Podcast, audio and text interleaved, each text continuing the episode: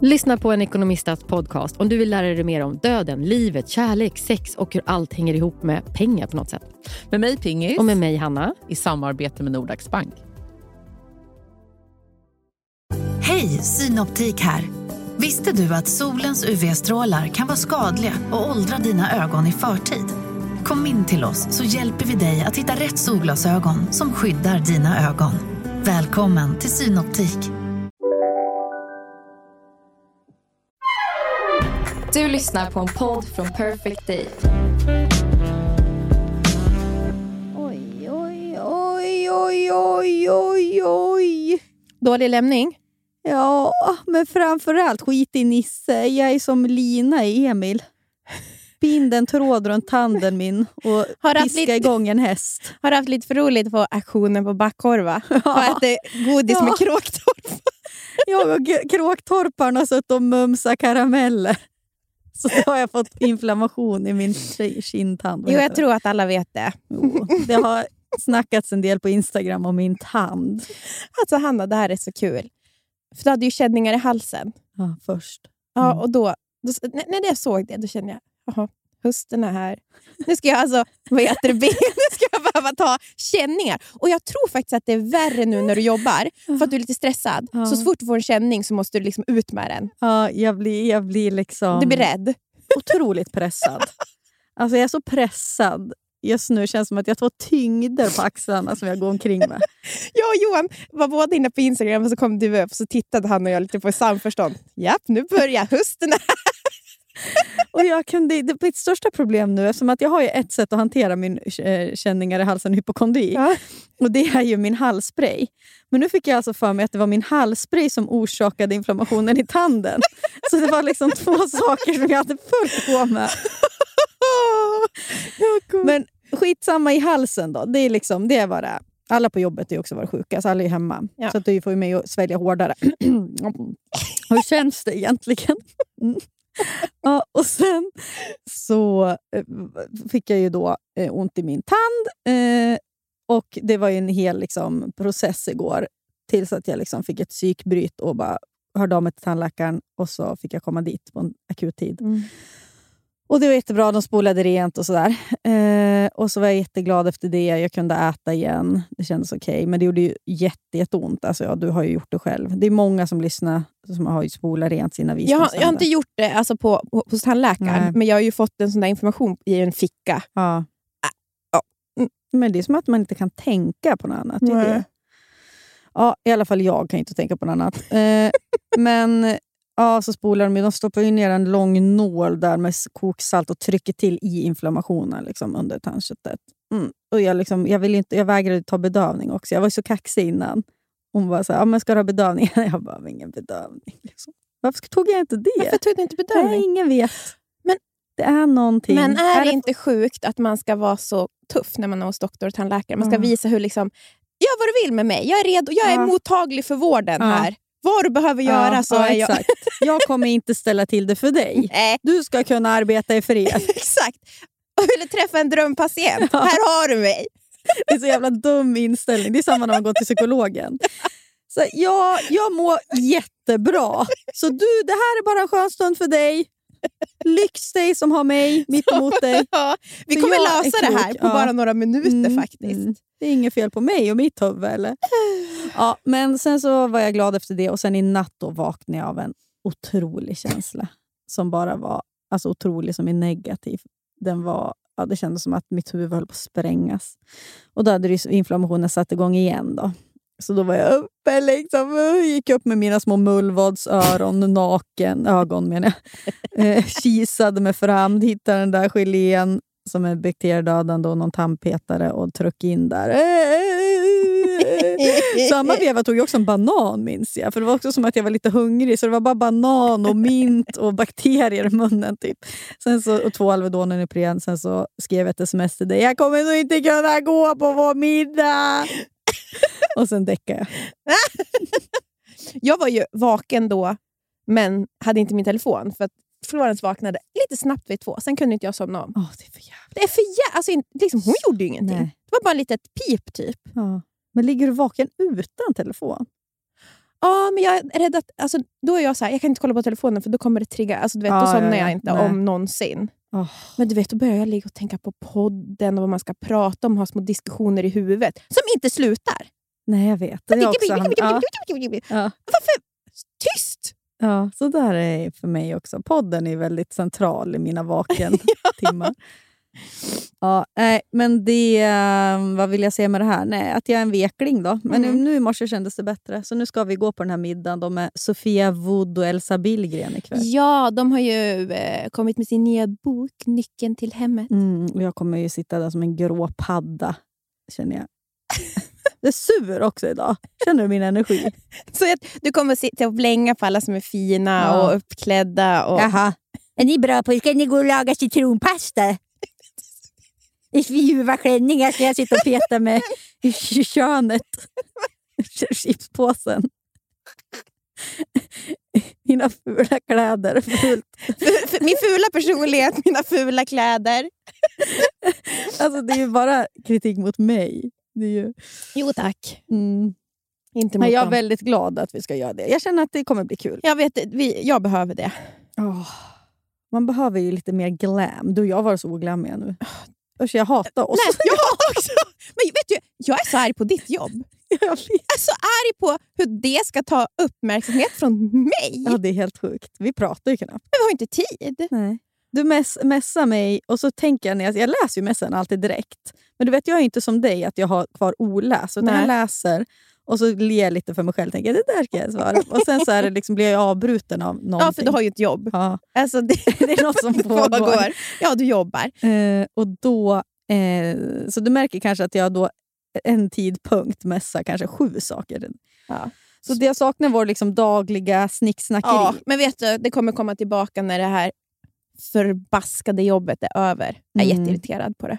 Ja, Tänk att man jag har väldigt lite. kul i alla fall. Men det är oglammigt alltså, i allting nu i mitt liv. Mm. Och därför. Men vi har ju två glammiga saker. Ska vi berätta för lyssnarna bara om vår underbara helg? Vi sitter ju Mm. framför helgen nu. nu jag, vi kommer ju ha varit med om det här när ni hör avsnittet. Men vi kan ändå säga, först ska vi ju nu på den här middagen. Ja, och den är på Millesgården. Bara det. Du har inte varit där va? Nej, jag vet inte hur det ser ut. det är så fint. Kan- Men nu har jag min blå klänning, och bootsång, lång kappa och ett halsband. Jätte, Funkar och den här alltså Klein-blå, långa, Ja, som alla ja. tycker... Varje gång du har på dig den så Ja. får, du 150 miljoner. DMs. Men det känns som jag har haft på mig den väldigt mycket. Men vet du, nu är det återvinnings, återanvändningsår. Ja, men det är det. Och jag såg, och det här är inte återanvändning, men just den där modellen tycker jag du är väldigt fin i också. Och såg den i sån här lite...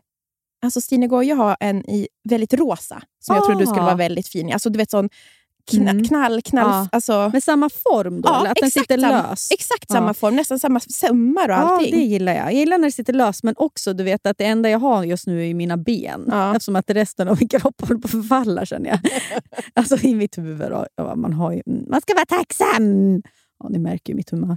Och då är jag glad också att det är en liten hög slits här på den här blåa, så jag kan om jag vill också sexa till mig. Jag kan stoppa fram ett ben. Ja, liksom. ja, men det är ju det som är så snyggt med den. Ja. Att det är de där eller hög, höga Så slits. fort jag ser liksom någon sexig kille kan jag bara sprätta fram benet. För om det är något de gillar så är det ju en pinne som sticker ut från ett, ett blått liksom- pinne. Och det är inte, liksom, det är inte att benet är liksom sexigt insmort eller rör sig, utan det är bara rakt fram, torrt stubb. Mm. Eh, Ja, men jag måste bara säga, och så ska vi på lördag ska vi på natten. ja, vi ska på Mm. natten, ett härligt kompisgäng. Mm. VIP. Måste bara säga att du ska på VIP. Jag vet inte än om det är VIP. Va? Nu har jag sålt, sålt in det för alla på VIP som VIP. Jag har inte lovat någon VIP. Ja, men jag kommer skriva Ja, till Linda nu när jag har hennes nummer. Det är så här att eh, Neas eh, svägerska jobbar ju med någonting som gör att man kan få VIP på saker. och du har ju också fått hennes nummer nu och börjat trakassera henne. Mm. Jag missbrukar ju den här kontakten på ett sätt som är helt Har du fått någon bra hjälp då? jättebra. Alltså jag är så, jag är ju jag är rädd att vi kommer in i leda en relation. Älskar Linda. Ja, hon är underbar. Mm. Och, nej men jag, känner, alltså jag försöker ju, eftersom att hon jobbar ju på eller vad det är. Nej, Nej men ska Jaha, inte berätta vad hon jobbar nej, med. bipa då. Hon jobbar ju Hon, på... måste ju få ha en integritet. Pip. Hon har inte bett Ja, om det här. Pipade det där, da, da, da, da, da. Vad är det för humör? Okej, berätta ditt. Vad sa du? Hallå? Mamma? Jo, men jag, Jakob, vår producent, sa Mm. vart, är, vart är Hanna? Jag bara, nej men hon är sen. Du vet, det var en jobbig morgon. Han bara, "Åh, men då vet vi att det blir en bra podd i alla fall, för då kommer hon vara på ett humör. Ja, han hade rätt. Ja, Nisse har ju, vill ju inte gå på förskolan, och så det är också ett, ett pågående. Ja, men vi hade ju det problemet när vi kom tillbaka från sommarlovet, men nu är det bra. Så är det. Det är bakslag och Ja, och du vet hur nöjd jag var då. Jaha, är Florens ledsen? Nisse springer han är in. så glad. Han Ja. hjular in och säger Ja. “Fröken!” Hej då mamma! Bryr sig inte. Nu är det liksom kaos. Och det är då vi såna här bittra mammor ja, sitter tysta. Vi får väl se hur det går. Väl se. Ja, så där blir jag alltid när någon berättar att det är lätt med barn. Man säger ju ingenting för att man är ju... Man vill inte vara den, Nej. men man är ju bara... Det är en påminnelse till sig själv också, tror Ja. jag. Alltså att man är, blir lite sådär bitter. För att man, du vet, typ som Nisse sov ju väldigt dåligt bebistiden. Ja. Och när folk som då fick barn samtidigt som mig berättade Sov hela hur- ja, hur de sov hela nätterna i egen säng. Typ. Då var jag också så här, jag sa ju ingenting. Nej. Men för mig själv var det väldigt viktigt att fast Nisse har alltså, han Ja. gör det lätt för mig på andra sätt. Så är det ju. De och deras barn, är de lite fulare kanske? Så jag fick bara försöka Ja. hitta. Vet du, det är precis så man ska ta sig an. För jag menar, Florens sov ju bra. Hon var inte så värst trevlig liksom, när hon var vaken. Det var inte som Nisse som låg liksom och skrattade på mage till. Alltså jag ville sparka på honom. Liksom låg och, kommer ihåg det, du stod liksom i kök och grejade jättelänge och han låg liksom på, på riktigt på en film. Kommer du ihåg det? Ja. Förstå, för mig var ju det ett hån. Som hade varit tvungen att greja med Florens. Vet, om, jag, om hon hade tråkigt, hon kan Ja. inte göra någonting. Nej, Men hon ville ju bara ut och sporta. Hon ville, ja, tre månader. ja. Åh, Så då, Mm. då blev jag väldigt arg på Nisse. Då Ja. ville jag... Ja. Din padd, Men jag alltså. minns ju också att du sa det. Fast det, så då, när du sa det vart jag också nöjd. Det där kan man ju säga då till andra också. Så här, att man är avundsjuk. För det tycker jag också är en fin komplimang till andra. Ja. Alltså det är inte Det komplimang. är ju en kom- Ja, jo, för men man det- behöver höra det. Ja. För man har ju sina saker som man jobb- Precis. Man fokuserar ju alltid på det dåliga. Precis, för då fick ju jag då känna att okej, han sover kanske inte, men jag kan göra saker på Han är en trevlig bebis. Han är en trevlig bebis. Men det, den fick jag i, när vi bodde i Toronto. Mm. Så var vi ju... Ja, det var ju lockdown. Alltså det enda vi kunde göra var, i- var i en lekpark. Och då var det en tjej, alltså du vet, var lika gammal som Florens, ett år. Och alltså hon pratade meningar. När man kom in i parken hon bara “Hello darling!” Och Florens var ju “Ugga, ugga, ugga, ugga, tjacka”. Och då var så här, du vet, hon, ja, men du vet, jag och Johan såg ju det där och du vet, man jämför ju. Ja, ja, man blir stressad. Man blir Första gångs förälder Ja. blir man. Och så var det så sjukt, för då de, det här var ett, eh, eh, ett lesbiskt par som hade den här lilla tjejen. Så var det så gulligt att då kom de fram till oss en dag och så bara, alltså, vi tittar så mycket på er dotter. Mm. Hon är så självständig. Hon Mm. hittar ju på grejer, hon klättrar upp överallt själv. Och gör Mm, liksom, hon, mm. Vi måste ju gå brev, jag liksom underhålla vår dotter hela tiden. De var så här, men gud, då var ju vi tvungna att säga, men vi tittar på ert barn hela tiden. För hon, för hon verkar ju vara ett geni. Typ så här. Att Hon man pratar så bra. Ja. Hello darling! Ja, ja det är ju så med allt. Ja. Och så, så som man tittar på sina barn, så ska man också titta på sig själv, tycker jag. Alltså du vet, när man jämför, drabbas av den här jämförelsesjukan med sin egen person. Det försöker jag hela tiden säga till den personen jag lever med som kan hamna i jämförelsesjukan alltså kring ekonomi och sådär. Och jag bara så här, men titta på vad du har. Nej. Ja, det är ofta jag jag drar upp. Hanna Persson sitter framför dig dag ut och dag Läckraste in. benen på hela... Sprättbena runt dig. Usch, Anton kan inte bära mig längre har jag insett. Det är lite sorgligt. Men han har ju ont i ryggen. Jo, jag vet, Kanske för du har tvingat honom att bära Jag honom tycker med. ändå att det är lite Han har ju jätteproblem med ryggen. Du vet att en stor liksom, del av vår relation första tre åren det gick ut på att Anton bar mig. Du, jag har ju sett att du, du ville gärna tvinga folk att bära Ja, dig. det är så pinsamt. På fyllan. Armarna skakar. Vet. Ja. Jättesnygg kille på kontoret tvingade ju bära mig. Det var också att jag precis insåg då att han var snygg. Det var ju så kul. Hela den. På Perfect Day, ja, ja, jag hoppade upp i hans liksom, famn och bad han. Eller liksom, jag bad han inte. Jag hoppade bara upp för jag liksom fick ett infall. Så här, Oj, vilken härlig kille. Så kände jag liksom att han så här, oj, han kanske inte orkar bära mig. konstigt. Vad håller jag på med? Så tjusigt. Åh, vad roligt. Musen hänger fram. Ja, Mm. jag har en bild. Hänger hela liksom trosan. Ja. Världens kortaste klänning. Ja. Och som ett linne. Gud, den måste jag på mig snart igen. Jag ska hoppa upp i okända mäns famnar.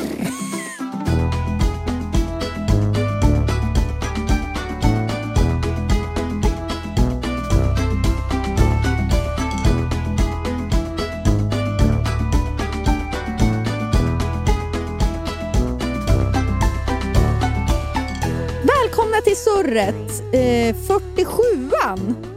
Oj. Nu är det slut på gamla tider, nu är det färdigt inom kort. Nu, Nu ska hela rasket rivas. Nu ska Det känns som en sån låt bort. som också man gjorde liksom 40 år, 50-årssäsonger. Ja, ja, ja. 44 är det vad den är. Det, är, Ja, det gick ju mycket på P4. Vad hade ni för radiokanal på när du var barn? Eh, jag har ju väldigt unga föräldrar, det har ju bara varit P3. Men däremot så, min morfar hämtade ju mig efter skolan Ja. varje dag tills jag var 20. Nej, men alltså, det var ju sjukt. Alltså, han, hämtade mig bil. Alltså, han satt och väntade på mig i en bil. Och där var det ju, liksom, vad blir det, lokalradion. Så alltså, P4. P4 Västmanland. ja. Fy fan vad mysigt. Det är helt sjukt att dina föräldrar lyssnar på P3. Mm. Alltså det är så... det, är, det är en Jag är helt annan jag- värld. jag är Jag, fattar att du fick mycket musiktips. Ja, jag är uppvuxen med liksom, morgonpasset med Thomas Tengby och Annika Lantz. Vad kul. Ja, jag vet. Det var någonting Vi jag lyssnade fick på sätta- rally. Liksom. Ja, min syrra är ju sju år äldre, så att jag fick lära mig rally genom henne. Hon Mm. var mycket så här, sätt på P3 istället när vi åkte på bilsemester. Men morsan och farsan, för pappa var ju bara P1, mamma bara P4. Hemma har det alltid varit P4. Så när du då fick liksom höra på någon slags Modern. ja, men 90-tals hiphop-våg, Ja. då satt jag och hörde på Du är min man och jag vet du gör så gott du kan. Men det var ju det som var så sjukt tyckte jag. kommer ihåg när vi satt där i bilen, jag och morfar. Jag kunde ju inte en enda låt. Kan man älska någon på avstånd fast det skiljer många mil di. Mig och den jag älskar Jag, de spelade den här som jag tycker är så äh, sjukt bra. Sofia dansar go-go. Jaha, på P4? Ja. Mm. Den tycker jag är en kanonlåt fortfarande.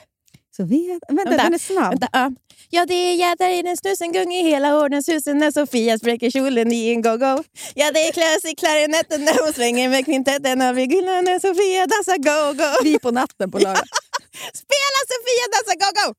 Kjolen upp. Ja, ja, fan. Vad bra! Segment! Doft! Nej, men nu ska vi prata om doft. Men ändå intressant det där med P3 P4. Undrar vad våra egna barn kommer få för musikaliska influenser. Jo, Nisse, hemma hos er har ni, ni har alltid musik på. Ja. Tom Petty spelar Ja, Neil varmt. Young. Neil Young. Men jag, också, jag spelar ju mycket Taylor Swift. Vi har ju våra, vi fastnar i olika. Kurt Weill är någonting som vi spelar nu och det gillar inte jag riktigt. Och eh, så spelar ni ju eh, Ryan Adams eh, kan, alltså coverskivan på 1900... Den går runt, runt, runt. Vi gillar ju att ha mysmusik på. Väldigt högt har vi också. Ja, ja, ja, jo, ja, tack. Mamma, mamma och pappa är ju kommit till oss ikväll och mamma stör ju sig så jävla mycket på att vi spelar musik. Hon är tänk!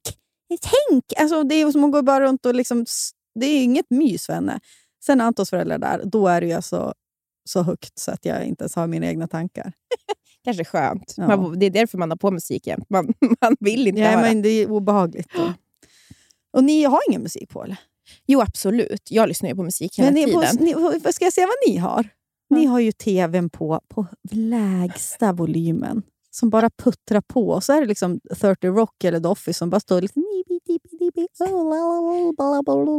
Det är så låg volym. Så att där, jag minns när jag skulle börja se Game of Thrones och se det i Toronto. Ja, det här har vi säkert pratat om. Men det, jag fick ju sitta och vråla höj.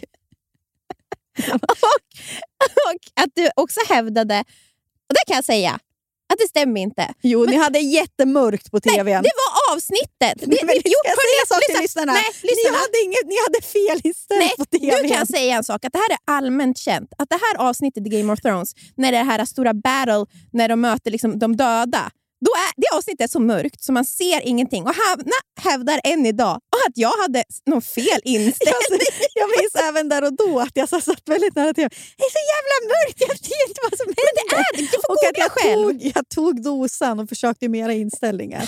För jag tänkte att i ert hushåll finns det ingen Anton som ordnar till sånt där. Nej, du.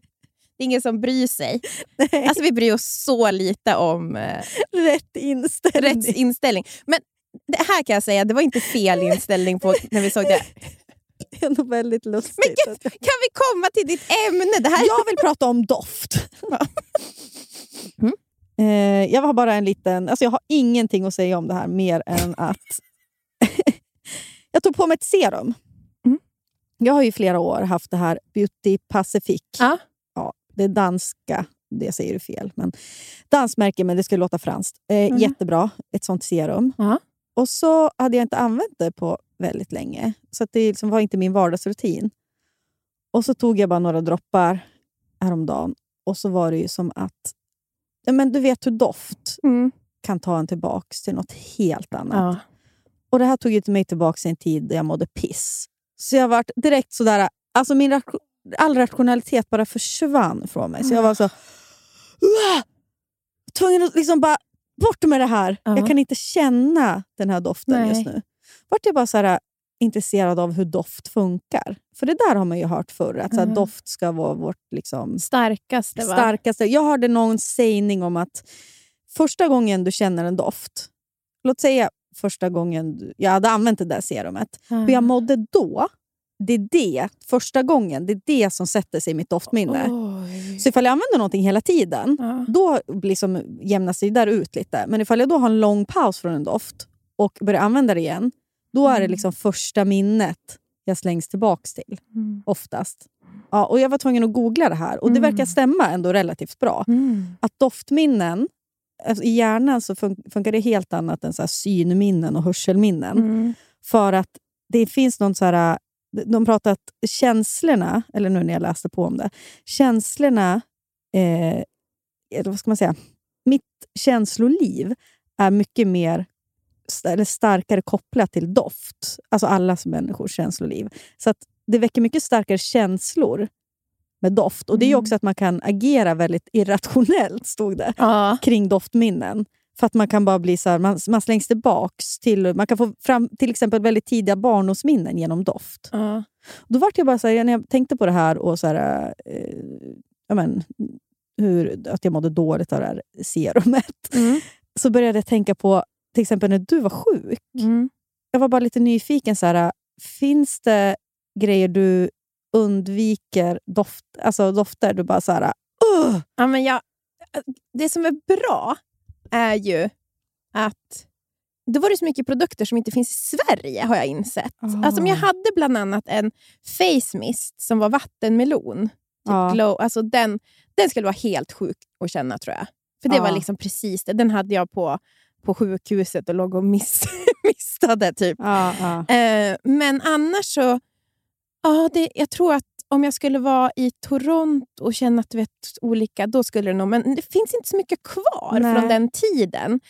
Och jag hade ju inte, så här, hade inte parfym på mig direkt. Alltså, Nej, det är bra. Du kanske i, i omedvetet valde bort ja, och man hade ju ingen schampo direkt. Nej, men men jag, jag kommer ihåg första gången vi åkte utomlands, då var jag kanske liksom, första gången vi flög och vi var på taxfree. Mm, mm. Då var jag nio år och vi skulle åka till Cypern. Och Då köpte min mamma en parfym som heter Sunflower från Elizabeth Arden. Mm. Och så köpte hon en body lotion från Cerutti, som heter 1800, något sånt där. Det, det är den, en av, jag tror det är deras liksom, kändaste parfym. Och det är nog det starkaste doftminnen jag har. För jag minns precis, för det var också så stort den här resan. Det var Ja, första gången vi var ja. utomlands. Var vi så här, vi, ja, men jag vet inte, allt var ju bara så Ja. äventyr. Det var då också jag, kom, jag fick panikångestattacker när vi skulle fly, Mm. flyga. För att det var så... men...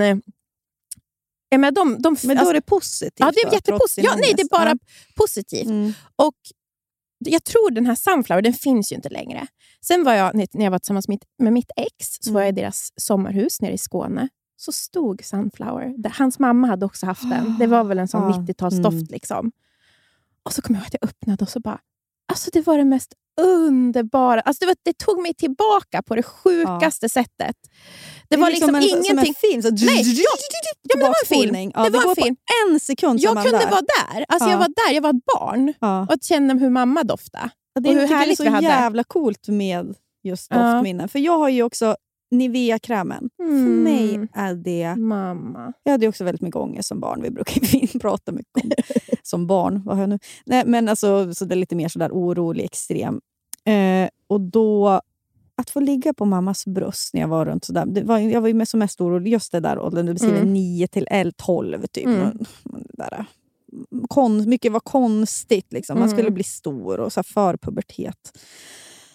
Att då... Alltså, Nivea, när mamma hade ju såklart ja, men den klassiska Nivea. Eh, så, alltså den burken. liksom. Ja, ja, ja. Den hade vi också. Att ligga på hennes brunbrända, Mm. skrynkliga solariebröst som var Mm. insmord i Nivea. Och att hon, jag vet också att hon har alltid, alltid tagit så mycket på mig. Alltså du vet, Hon är väldigt sådär kramig och tagit Mm. på håret. Och, ja, alltså då kan jag liksom, när jag känner den, då blir det Så då vet jag.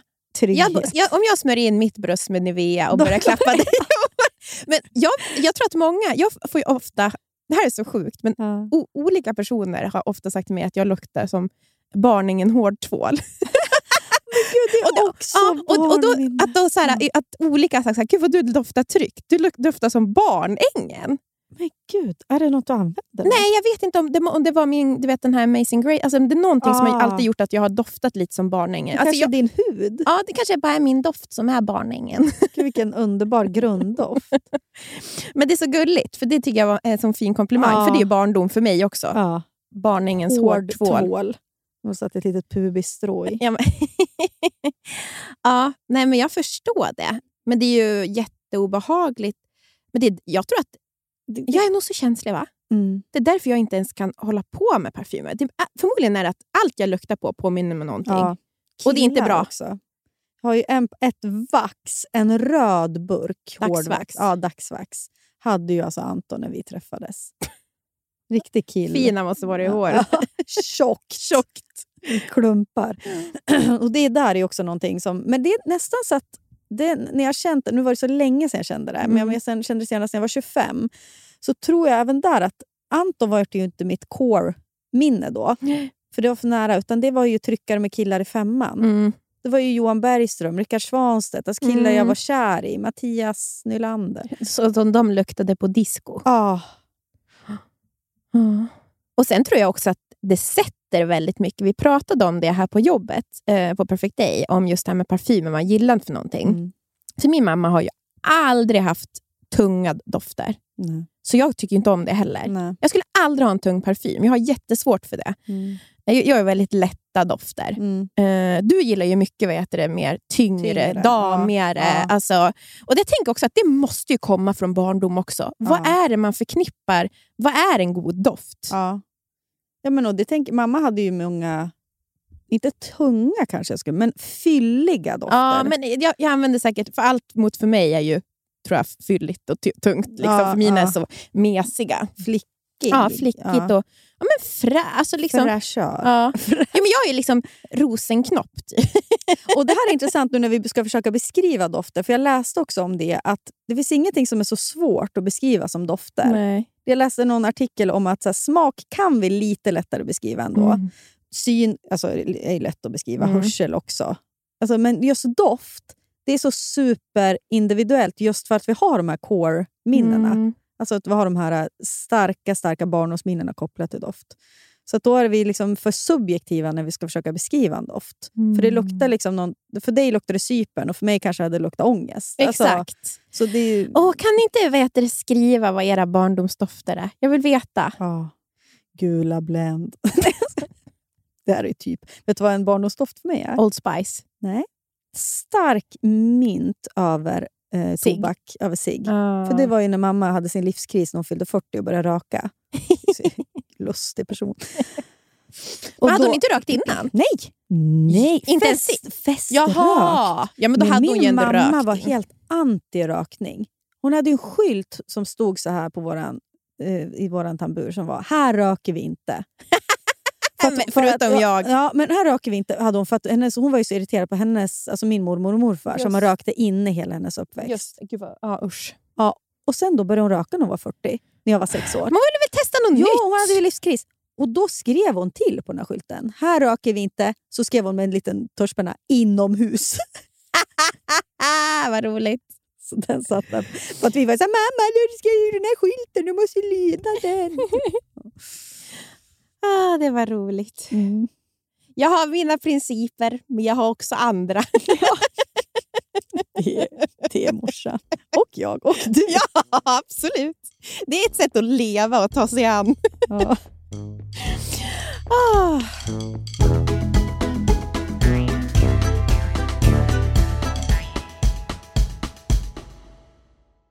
Livet, Mm. vet ju både du och jag, kan både vara flyktigt och föränderligt. Jo tack. Men då finns det någon som håller en i handen genom alla de här äh, faserna i livet. Och det är Länsförsäkringar. Och Den här podden görs ju i samarbete med Länsförsäkringar. De har ju både försäkringar, pension, spar. Ja, och det här med att ha ett sparande, ett långsiktigt sparande, det känns ju bra. Mm. Speciellt kanske ifall man är lite som du och jag kan vara. Kortsiktiga. Kortsiktiga. Mm. Men då är det väldigt tryggt då att Länsförsäkringar finns där och erbjuder då ett eh, långsiktigt sparande. Jag tänker bara så här, saker som man vill ge sina barn. Körkort. Jättestor utgift. Eventuellt en liten insats Ja. till en lägenhet, Mm. eller vad det nu kan vara. Mm. Kanske Det kommer aldrig Nisse få, för han ska bo hemma med mamma. Ja, det livet. behöver han kanske inte. Nej. ja, eh, tack Länsförsäkringar för att ni finns och för att ni samarbetar med oss. Tack. Nu, sju påsar kläder har rensat ut. Sju Ja, jo, tack. påsar. Jag vet. Tradera är ju fortsatt sponsor i podden. Ja, we love them. Vad är det nu? Du ser väldigt lurig ut. Jag vet, Har Anton sagt någonting? Nej, jag och Tradera har drivit lite med mig. Ja, vi har ju vi, vi har så god kontakt, jag och Tradera. Och då så sa jag, för de, jag har ju också rensat ur, Ja. och då sa de äntligen kommer det lite kvalitetskläder. Du vet hur mycket dyrt jag har rensat ut nu. Det är Vi skojade dyrt, ju. men, men det som är så här, i min butik, det kommer även vara hm t-shirtar också. Det är inte bara, för det är alltså sju kassar. Ja, du rensar, ja, Hon skrev ju det, hon bara, "Det är kul att det kommer vad heter det, lite kvalitetskläder nu när Hanna har skickat in sju kassar. av, alltså det är blandat. Ja, Kan du ge någon, försl- kan du ge någon liten hint om vad du har Alltså, fint? ja, ja, jag har jättefina Levi's jeans. Alltså, Åh. mina, de är för, lite för små för Ja. mig, så att jag, jag orkar inte pressa i mig dem. Nej. De är skitsnygga, lite bootcat mörkblåa. Och Sen har jag också en del kostkläder fortfarande med tag på. Jag har en jättefin Gant-hatt. Barnkläder, supermycket fint. Alltså ifall du har en treåring ish hemma. Mm. Jättefina stövlar från Treton, typ knappt använda. Mumistövlar också. Oh. Ifall ni har någon som har typ 24-25 i skor. Ja, ni hör ju. Det kommer komma mycket där, men absolut. Sen kommer det komma, det är linnen, nå, kanske någon noppa på, men de kommer ju säljas för 20 kronor. Så jag vet inte om Trade- Tradera kanske går back på det här. Ja, men också kan vi väl säga att i, slut, i slutändan så hamnar det ju i vår semesterkassa. Precis. Och så får ju ni fina grejer också. då. Vi vill ju bara såklart att våra butiker ska gå bra, för i slutändan är det ju en gemensam pott. Till Köpenhamn. Köpenhamn. Vi sparar och sparar. Mm -mm. Tack Tradera. Thank you Tradera! Åh, nu måste jag ta sats här. Jaha, är det grin på Nej, G? inte grin. Det är Nej. bara mycket. Åh gud. Jag har sett en eh, dokumentär Mm. på SVT om Bodil Malmsten. Ett jävla liv Mm. heter den. Och Den har funnits, tror jag. Alltså, den kom säkert för något år sedan. Mm. Har du läst något om Bodil Malmsten? Ja, alltså jag läste en del ur den här Det här är hjärtat. Alltså hennes sista var väl det va? Precis. Om sorg för efter sin... Ja. För att eh, jag hade inte heller läst liksom, någonting, men fick det här hjärtat i present av en kompis. Och den är ju... Och jag tror ändå att många dikter ur den är ju ganska kända. Mm, Man får se mm. att folk använder sig av dem Ja. och delar dem. Alltså det här... Nej, My- allt måste... Mycket träffar ju rakt i hjärtat. Alltså den är ju... Magen. Det är fysiskt. Mm, Alltså mm. det är fysisk sorg. Ja.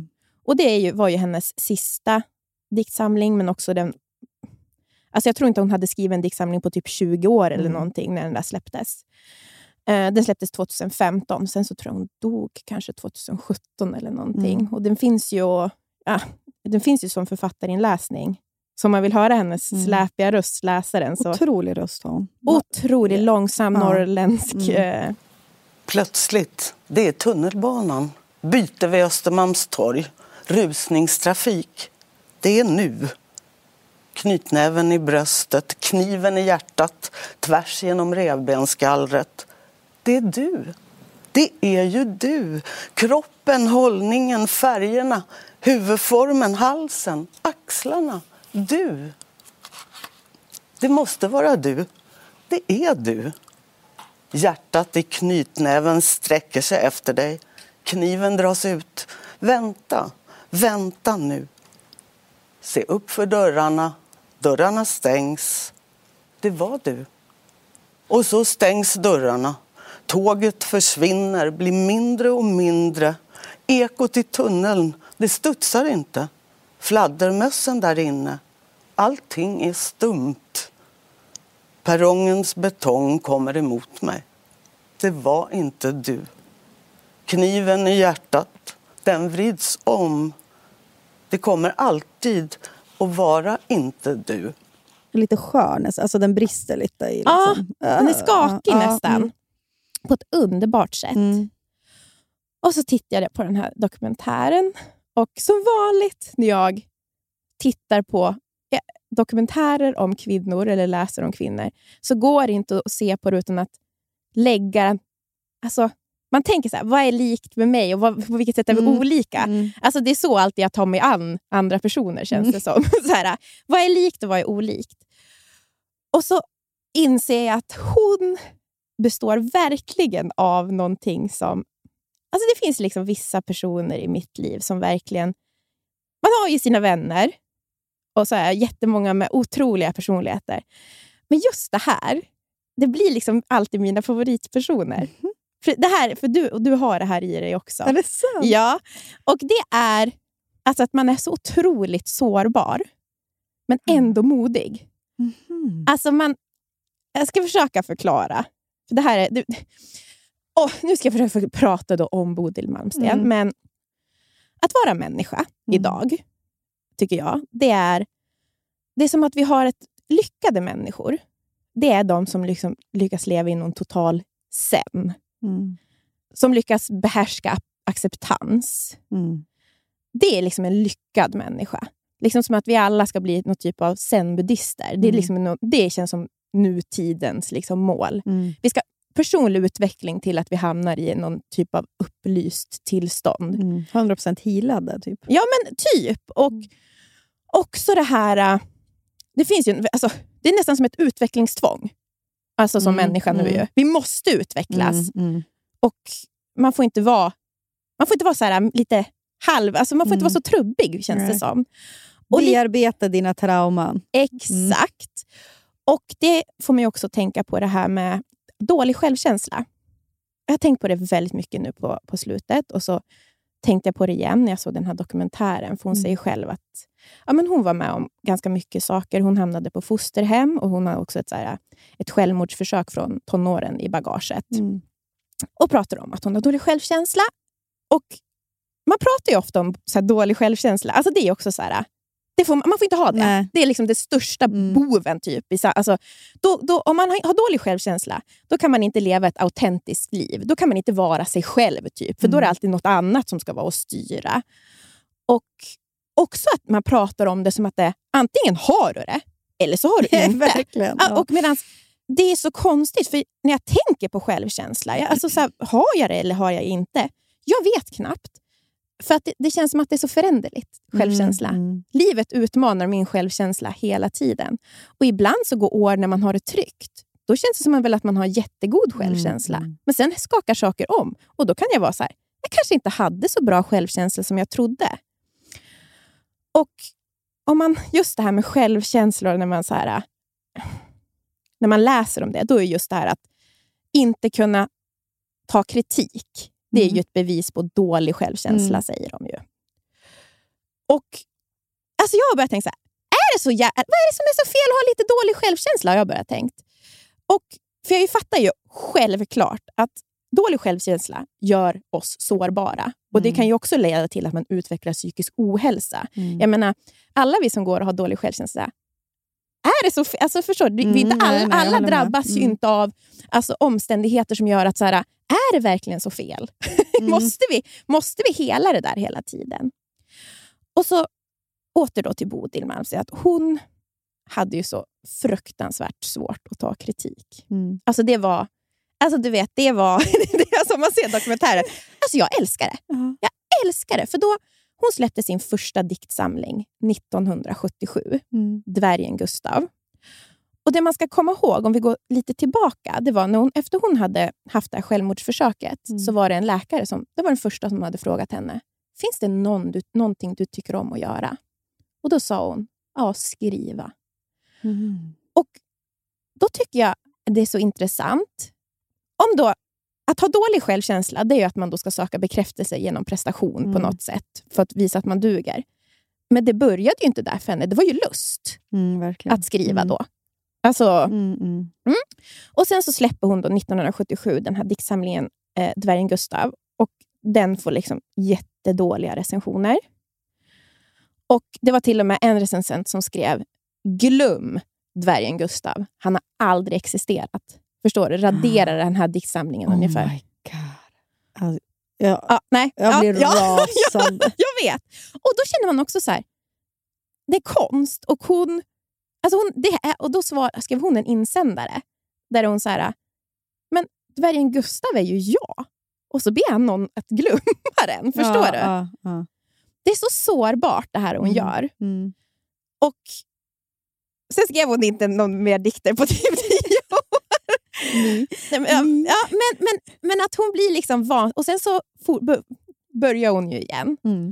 Och hennes, en av hennes gamla liksom, eh, partners berättar att alltså den dagen recensioner skulle komma ut och sånt, hon klev inte upp ur sängen. Mm. Hon skriver till alltså, recensören, ni mobbar mig! Alltså, hon, är, alltså, hon är helt... Och hon förändras aldrig. Under hela sin... jag älskar... Alltså, och jag känner bara, vet du en sak? Det är väl rimligt... När jag tänker på det sen nu, det är ganska rimligt att bli helt vansinnig av ja. att någon kritiserar det man gör. Ja. Och så är det, vad heter de här systrarna? Är de både, systrarna Bäckman, alltså de kultur... eh, Ja. Hon har ju skrivit typ ett hatbrev om dem, att de är liksom det värsta som har hänt kulturen. Alltså, Alltså Eva Bäckman och Åsa ja, Bäckman. ja, här, de är, eh, ja, det är liksom det värsta. Och hon sa också, det här tänkte jag, det här är Hanna Persson för mig. Ja. Hon berättar om, när hon, det här är så kul, i, som, i, i den här dokumentären säger hon, så här, för hon har ju gjort väldigt många omtyckta sommarprat. Mm. Ja, jag förstörde hela sommaren med att prestera ett sommarprogram. Och hade jag inte blivit tillfrågad hade grämelsen över det förstört hela sommaren. jag, ty- alltså, det, och vet du, jag tycker att det är skönt att du är män, alltså, var lite människa. Alltså att, så här, ja, så är det att vara. Jag förstår henne. Ja, det fanns ingenting. Och hon, jag tyckte det var så fint också när någon fråga, en journalist frågade henne, tycker du det är roligt att skriva? Nej, men det är fortfarande roligare än allt annat. Mm. Det tycker jag också är så härligt. Så här. Ja, det finns ju fortfarande ingenting som är roligare, så jag får väl fortsätta med det här. Och Hon var ju också kompis med Eva Dahlgren. De var Mm. jättebra Ja. kompisar. Och så att hon var väldigt så här, testade hela tiden. Så här, lite så, hur, my- hur mycket älskar ni mig egentligen? så när hon fyllde 50 år så hade hon liksom ordnade hon en 50-årsfest så här, långt på ett jättekonstigt ställe i så här, England. Så här, så här, du vet, jättesvårt att ta sig. Och Sen var hon så här, ja, undrar om några kommer komma då? Så här, ordnar en fest liksom, för att testa ungefär, hur långt är Ja. ni redo att gå för mig? Ja. Hur långt kommer ni resa för att... Vilken underbar person. ja, och när jag ser det, så här, vad är det...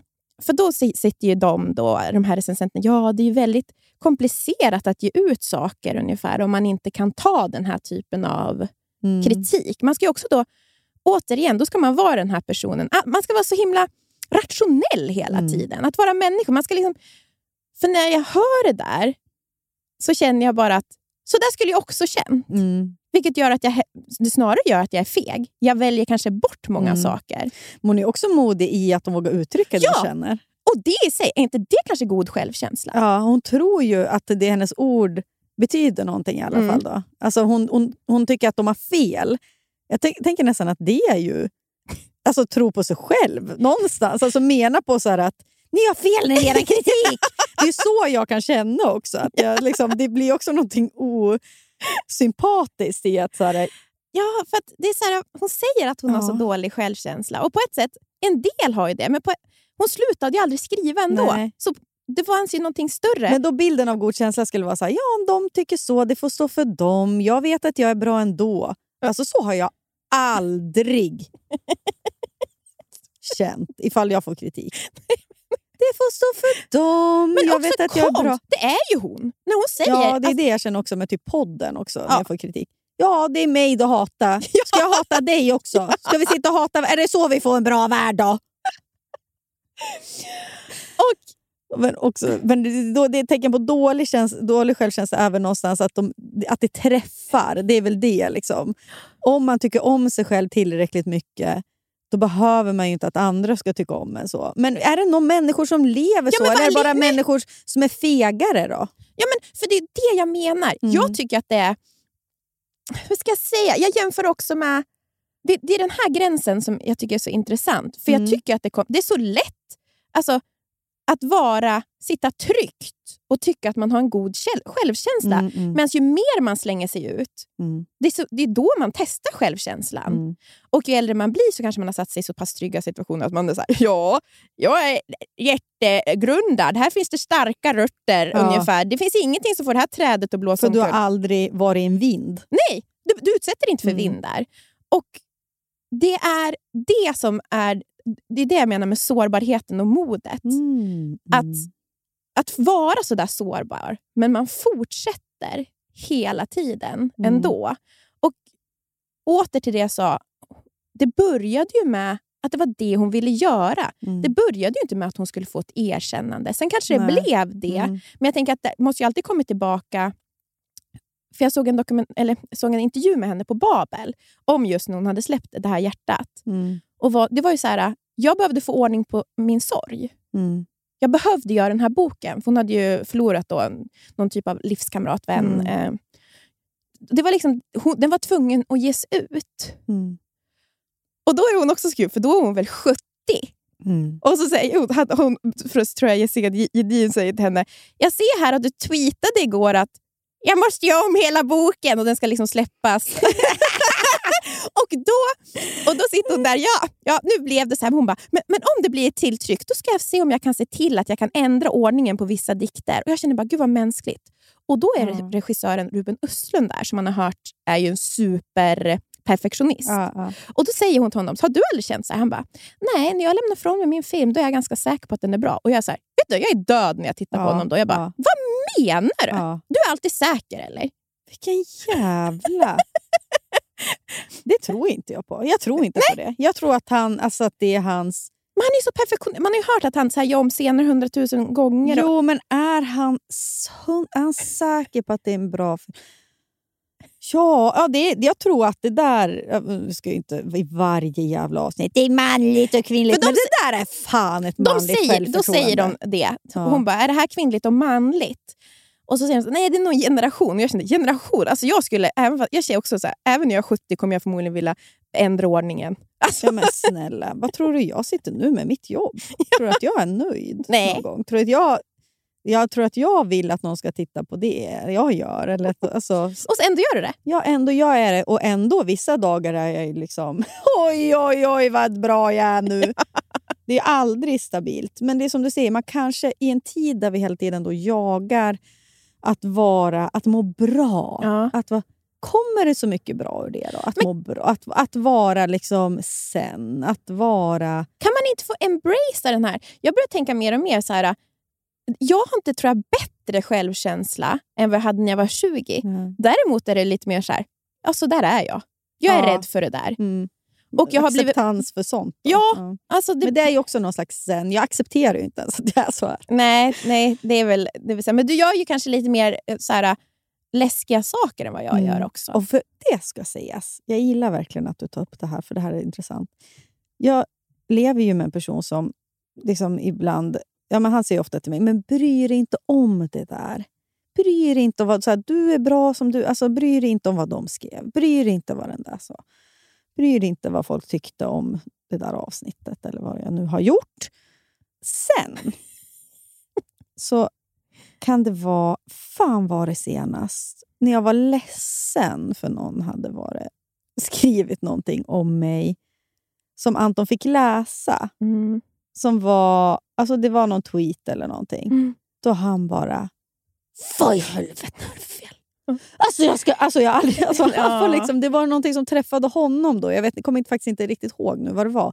Men det var liksom, ja, men han tyckte att det var orättvist mot mig. Då, Mm. kring. Jo, men det var ju eh, något tweets, ja, precis, om mina samarbeten och sånt där. Och Jag tror också att han känner så, han peppar ju mig att göra Ja, samarbeten, för han vill ju att jag ska tjäna pengar. Ja. Och då, Jag tror att det var det, att det var nästan kritik mot han. Då. Ja. Och ja, han kunde ju absolut inte ta det där. Och Då var det ju jag som stod i skottgluggen. Och då, tänk, då tänkte jag på det nu, alltså när du sa det här. Jag tänkte på han att... Så här, ja, och Det tror jag väl kanske att han är medveten om också. Men det är lätt så här, jag ska inte gå runt och tro att han har jättegod självkänsla. För han är ju aldrig modig på samma sätt som mig. Nej. Och Jag tänker så mycket på, nu när vi är på Perfect Taste, så tänker jag så mycket på Hanna och Amanda. Som är de, de måste ju vara de modigaste som finns. För så, så mycket skit som de har gjort, så, testat. De testar allting. Och har man, så lyssnat på, jävla modiga. har man lyssnat på deras podd så vet man att de är inte säkra. De är Nej. jättesårbara. Och ändå så ger de sig ut igen. Ja.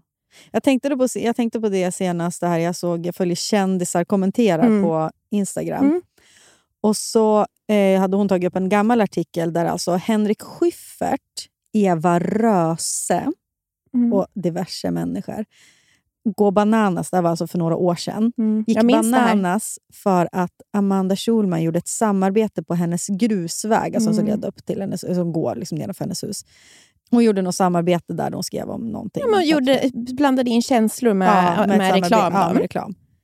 Varpå då, det är så typiskt att det är Eva Röse. Okej, jag- Som jag började följa på våran. Ja, alltså jag får verkligen passa mig nu. Lillmunnen min ska knipas. Ja. För det, det är också o, alltså att jag blir så arg. Så här. Men jag, det är för att jag känner med Amanda. Mm. För Jag tycker att det är så fruktansvärt pretentiöst det de liksom höll på med där. Att gå ut liksom offentligt också i sina Exakt. sociala medier. Så här, och Det blir som en grupp som bara, så här, fy fan vad äckligt. Så här, de måste ju förstå varför hon gör det här. Och klipp till, tre år senare. Vem är det som sitter på en klippa på Gotland och skriver Kvinnokampen måste gå vidare. Det, är, ja, det känns som mäkt. Det är känslan av mäkt att få göra ett samarbete med Ellos här på Gotland, på den här klippan. Ja, det är Eva Röse. För det Amanda också fick kritik för, för de, Mm. de, de här åren, eller för några år sedan, var ju också att här, hon förstörde grusvägen för Henrik Schyffert. Typ. Att så här, du, du, har liksom reklam, du, nu är det, nu är det kommers, du har kommersialiserat den här grusvägen som jag hade massa fina minnen på. Och Det är så jävla lustigt. Och då var ju Eva Röse hoppade på den här kritiken. Då. Alltså då, Ja, de hade ju Ja, en pistol. Ja, i, en pistol i kommentarsfältet. Ja, och så nu sitter Eva Röse på sin klippa och skriver om mäkt. I, ja. Om de ska använda ordet mäkt en gång till så kommer jag, kommer, är det jag som tar fram pistolen i kommentar. ja, men Sen får man väl förstå henne då. Liksom. Men hon, jag tycker att det är dumt att det är on, att tänk, Jag tycker folk ska tänka på det. Jag som får kritik för att jag samarbetar också. Vad, vad skulle du ha gjort i mina skor? Alltså Det är inte synd om mig. Det, det menar jag inte nu när jag pratar om det här. Och jag, det är inte synd om Amanda Schulman heller. Eller vad, vad är det att vara synd om dem? Men, för man, det är ett jobb. Liksom. Det är reklam. Man tjänar Mm. pengar. Det, vi lever i, Ja, och jag har inget problem, jag har inget problem med att eh, man ifrågasätter den här typen... Alltså det är en intressant diskussion. ja, ja, ja, absolut. Och det tycker Men, jag också att man ska alltså kunna det, göra. Ja, det, det tycker- Fenomenet i sig alltså, kan ja, absolut... fenomenet, men det där, var, det där var så grovt. Och sen Mm. inser man så här, det är så där man tjänar pengar nu. som... Alltså Eva Röse betyder, behöver ju tydligen också pengar. Ja, exakt. Och Vill också kritisera systemet. Ta andra vägar du då, om du tycker att det här är en viktig Ja. fråga. Om du tror att du bekämpar kapitalismen på det sättet, så, så här, absolut, gör det. Alltså, Mm. så här, välj inte det här. Men jag gör ju inte jättemycket samarbeten, inte nu, men jag har gjort det lite i perioder. Liksom. Men de som kritiserar mig, det kan ju ofta vara liksom att jag bara gör ett samarbete. Alltså det, det, är liksom, det behöver inte handla om vad jag gör reklam för, utan att jag gör reklam. Förstår du? Mm. Eh, och där har jag så svårt att se att de som kritiserar mig, för jag, ibland vet jag ju vilka personerna är också, att de skulle tacka nej. Mm. Alltså, och, och, och Jag tycker att det är så jävla ocharmigt också så här, slänga sig med att någon är avundsjuk.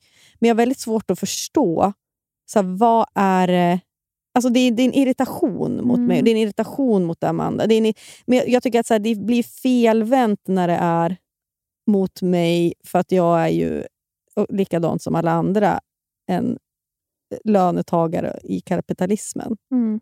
Sen kan man absolut ha mycket, mycket bättre jobb. Mm. Förlåt, jag kanske ska vara sjuksköterska då. Alltså, ja, det här är inget försvarstal. Jag säger bara att det, det är en intressant... Det, det, det är en fråga som absolut går att prata om.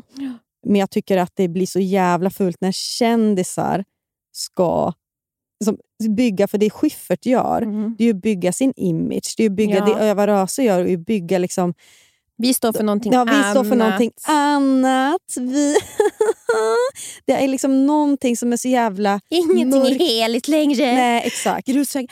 Men Grusvägen, ska den bli... den Så- typen av kritik då, och nu vill jag bara, så så vi kommer tillbaka till ämnet Mm. som vi pratade om. Att som, då, som att, om jag hade, alltså, jag vet inte hur, jag hade blivit så ledsen så att jag vet inte hur jag hade kunnat hantera det där. Nej, jag blir Det likadan. Jag blir alltså, jätteledsen. Ja, ja, men jag menar det. Jag hade aldrig kunnat lagt Nej. det där åt sidan. Oavsett hur god självkänsla. Så här, jag är trygg i det här samarbetet. Jag står för det här. spelar ingen roll om det väcker sådär Nej. känslor. Och som sagt, återigen, som då Hanna och Amanda här, att de har testat så mycket saker, de har drivit ett bolag, Mm. de har varit nya på att göra det, fått jättemycket kritik hur de drev. Och det har folk gottats i på ett sätt som man bara, vet du hur många struliga bolag som har funnits av män? Vet du hur många dåliga chefer? Alltså, Ja, tror, ja, tror du det är unikt att det är stökigt på nya startade Mm. bolag? Mm. Men de har fått liksom stått till svars för allt som är ont ungefär. Mm. Jag vet inte, det är så... Det Nej, ju, det kan jag verkligen säga. Jag som har varit runt på lite liknande bolag. Mm. Alltså, så här, att vara kvinna och starta bolag är ju, att blir ju att sticka ut Ja. på mitt jävla vänster. Speciellt när man gör kommersiella grejer. Och återigen till den här sårbarheten och modet. Man gör ändå. Fast Mm. man, jag tycker det är så himla... Alltså det är, trots man omfamnar den här dåliga självkänslan Mm. och vågar. Och, ja, det blir fel och det är så här, men man gör det ändå. Mm. Vi alla kanske ska tänka på att höja vår inre Bodil Malmsten, inte förtrycka den. Nej, jag tyckte det. Och så gick jag på biblioteket. För jag, skulle, jag ville läsa hennes andra böcker. Mm. Och så öppnade jag upp vad heter det, den här dvärgen Gustav, då, som var den här första som fick så mycket kritik. Och då fanns det en dikt som heter Lindansösen. Mm. Som jag, det var som att den slö, alltså det, det är det här som hon Mm. har gjort hela tiden. Som går så här. Fram och så tillbaka, och så tillbaka och åter. På en sytråd ovanför ett vatten. Regnbåge, varje gång hon faller. Sedan repetera. Minnas sin historia. Lindansösens plåga. Alltid börja om och alltid vå- återvåga. Mm. Man slutar inte gå upp på den där äh, Nej. balanstråden. Och precis så där känns det ju. Mm. Och det ju, finns ju många saker i ens liv som är sådär. Mm. Lindansösens plåga. Alltid börja om och att alltid återvåga. Och det är därför att alltså, det finns någonting att våga slänga sig ut och ha dålig självkänsla. För vissa slänger sig aldrig ut. Nej. Och då är det också lätt att sitta och Tycka. tycka. Mm, fint. Om man ska fortsätta våga, upp igen. Tralalala, di di di di do, Men också det dansa här på med självkänsla. Du vet, så här, man är också så här, mitt barn... Alltså, jag förstår också att det är, jätte, det är plågsamt att ha fruktans, alltså jätte, jättedålig självkänsla. Mm. Men många av oss går runt med halvtaskig kä- självkänsla och det funkar jättebra Mm. ändå. Det ge, Mm. Jag tycker också att folk med dålig självkänsla kan vara jätteroliga, bjussiga, man blir mänsklig, det är Mm. lättare att... Så här, de här, Öppen, man Ja. bjuder in lättare. Hur- man, de man här- vill bolla sina inre grejer. ja, alltså hur, den här då, utopin av den här accepta människan. Max, alltså hur intressant är den? Den här Mm. zen-människan. Mm. Det är också alltid nu att det är såna här berättelser. Alltså, det känns som att man har fått överflöd. Han slutade som managementkonsult och nu så är han meditationsguide. Ja, men du, du satt ju här för några veckor sedan och hö- upphöjde en Björn Natthiko. ja, men alla behöver inte vara så. Nej, nej, nej, nej. Jag, håller är med. ju inte han. Man kan ha en sån och inspireras lite av. Ja. Men då kan man ha Bodil Malmsten på andra pedestalen. Exakt. Mm. Det finns ju fler att, att känna. Det är hela tiden intressant att utmana den där tanken. Mm. Familjen gav, gav upp storstadspulsen för att starta egen gård och bli Självförsörjande. självförsörjande. Och nu är de nu, lyckliga. nu mår vi så bra. Jag vaknar varje morgon med känner att hålet i bröstet är borta. För det är också då det som då är intressant också med självkänsla. Om det är så då som det påstås ofta, att då, om, man har en, fått, om man har en god självkänsla, då är det alltså då, då- då, då alla valen man gör, att då starta den här gården, Mm. det är då rätt av de rätta anledningarna. Ja. Skriver då Bodil av fel anledningar för att han då skulle ha dålig Mm, självkänsla, mm. att bara handla om Då andra? är det ett felval. Ja. Mm. Ruben Östlund gör filmer för att han brinner för konsten. han skiter i vad han, vet, han vet att de är bra. Ja. Så att han gör det för sin egen skull. Bodil Malmsten hon skriver för För få att upp- uppmärksamhet. Mm. Det tål att tänkas på. Verkligen. Jag tycker också att det är, om vi nu lever i en tid där vi också vill utvecklas hela tiden, då kan jag tycka att, att ha god självkänsla... Ja, hur mycket utvecklas man? alltså, att, att vara som Bodil Malmsten, att man letar, alltså att man tar, läser kritik, Mm. man tar till sig den, man blir upprörd. Det gör ju att saker händer i ens huvud. Man tvingas ju ompröva saker. Nu talar jag från egen erfarenhet också. Ja, du kanske pratade kritik- om Hanna Persson, inte Bodil Malmsten. När jag får kritik då, min första reaktion är nu skriver jag en insändare. Ja, Nu ska de få höra. jag ringer in. Jag ringer in, eh, jag ska berätta på alla sätt de har fel. Sen går det någon dag. Tar det någon till varv i huvudet. Ja, det fanns en poäng i den där kritiken. Mm. En till dag, kanske fanns två poänger. Men sen blir jag också säker på där det inte fanns poänger. Och så växer jag som person på något sätt i alla fall. Men sen samma. Sen Ja, är samma, Samma gamla visa. Lindansösen är tillbaka. Ja, ja, ja. Så jag skulle väl inte säga att målet är, målet är inte att växa, det kan vi slå fast vid. Då. Men det händer ju saker i huvudet i alla fall. Ja. Någon slags utveckling sker ju i att jag blivit mer tänkande. Omfamna din dåliga självkänsla. Det ska Dålig självkänsla heta. nu. Ja, dålig självkänsla, punkt nu.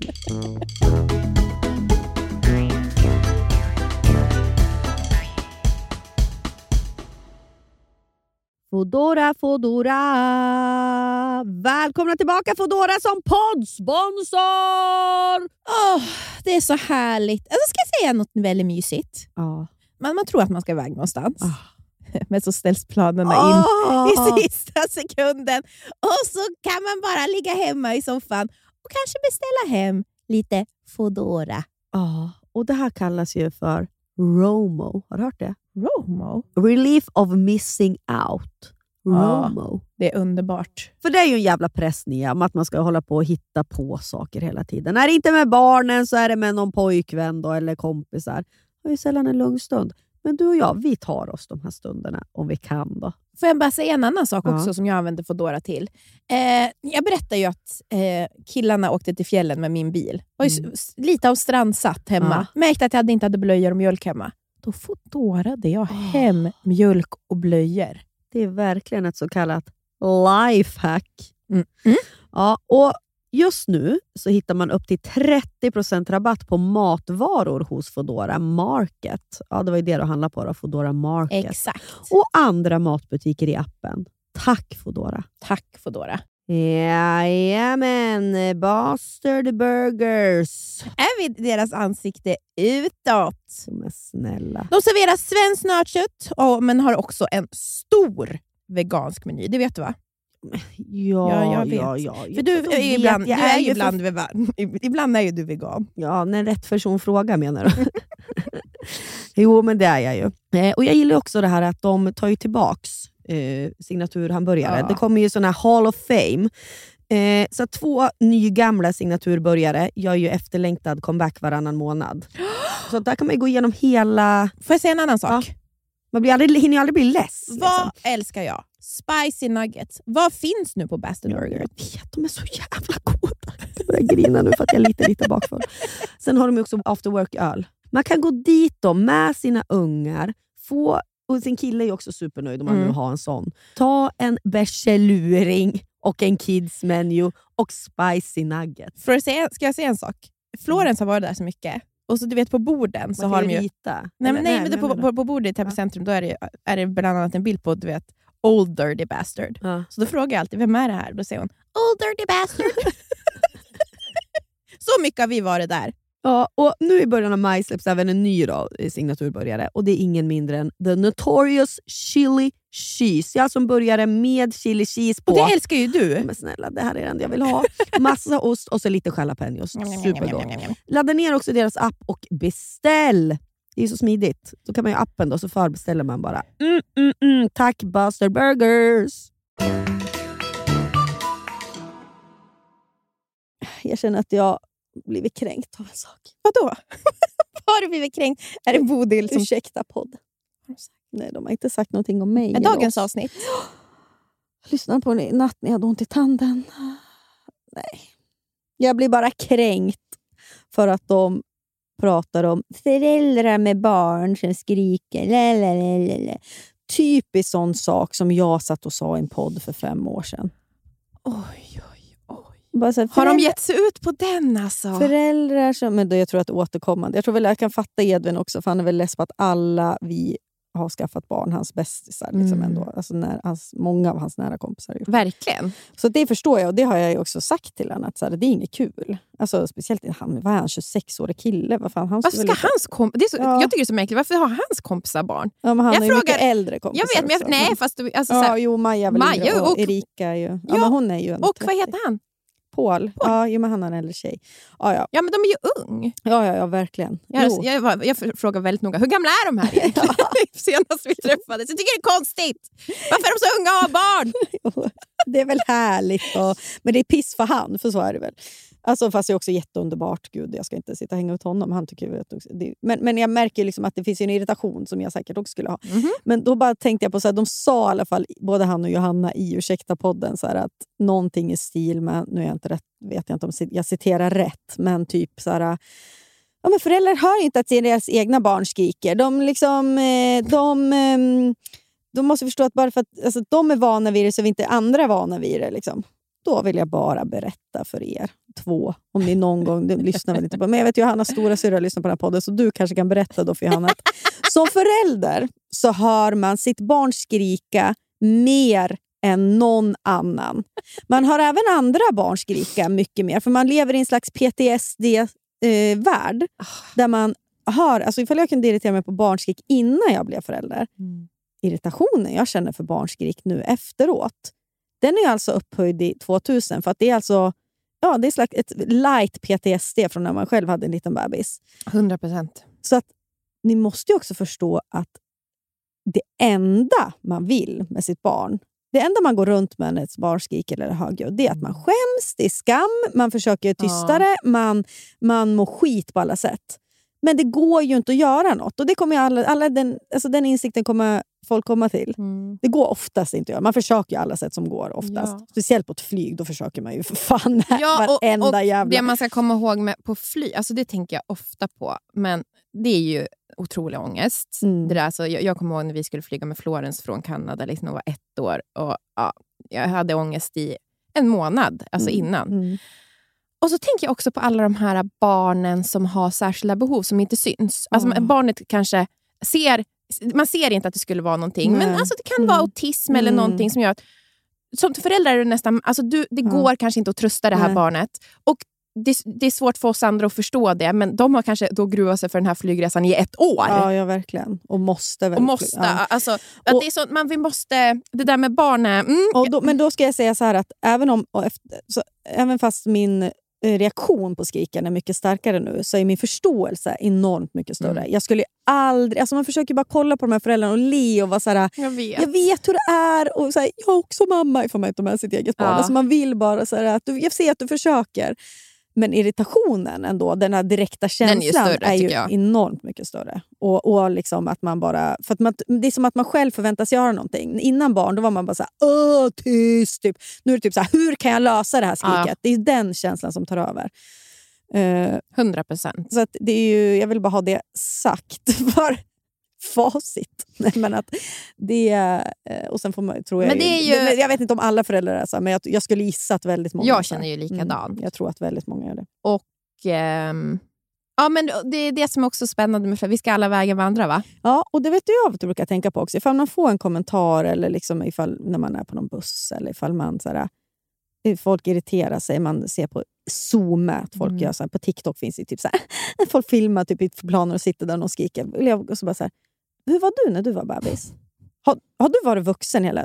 Edvin och Johanna, han var, ni föddes tysta. Eller liksom, hur var det för ni när ni var små? Fick, ni, fick inte, ni fick inte åka buss kanske? Ni, Alltså, jag tror att det är väldigt viktigt att komma, alltså, vara förlåtande mot mänskligheten och sig själv.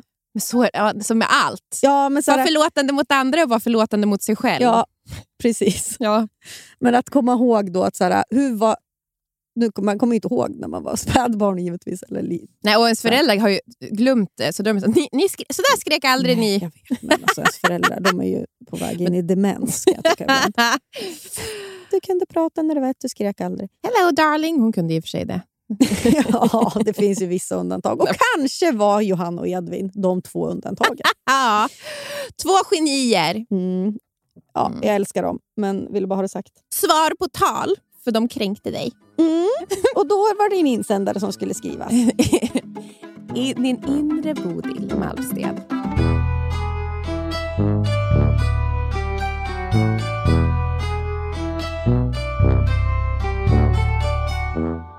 Tack alla som lyssnar. Tack alla som lyssnar. Följ oss på Spotify. Ja, podcaster. Ja, We love you. precis. Och nu så kan ni, ska ni få höra lindansösen när den blivit tonsatt av Oj. en eh, artist som heter Ellen Sundberg som har gjort Mm.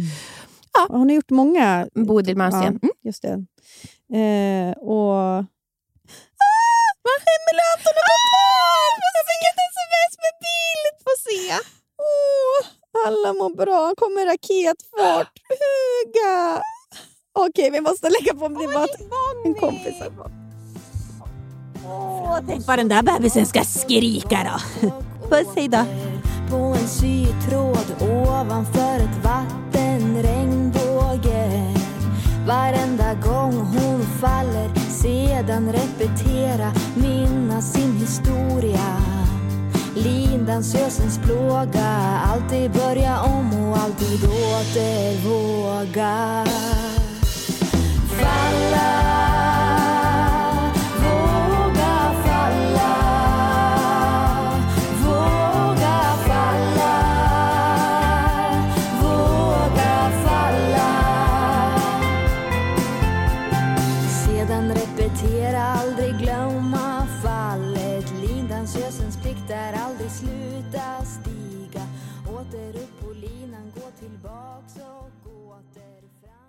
Den här podcasten är producerad av Perfect Day Media.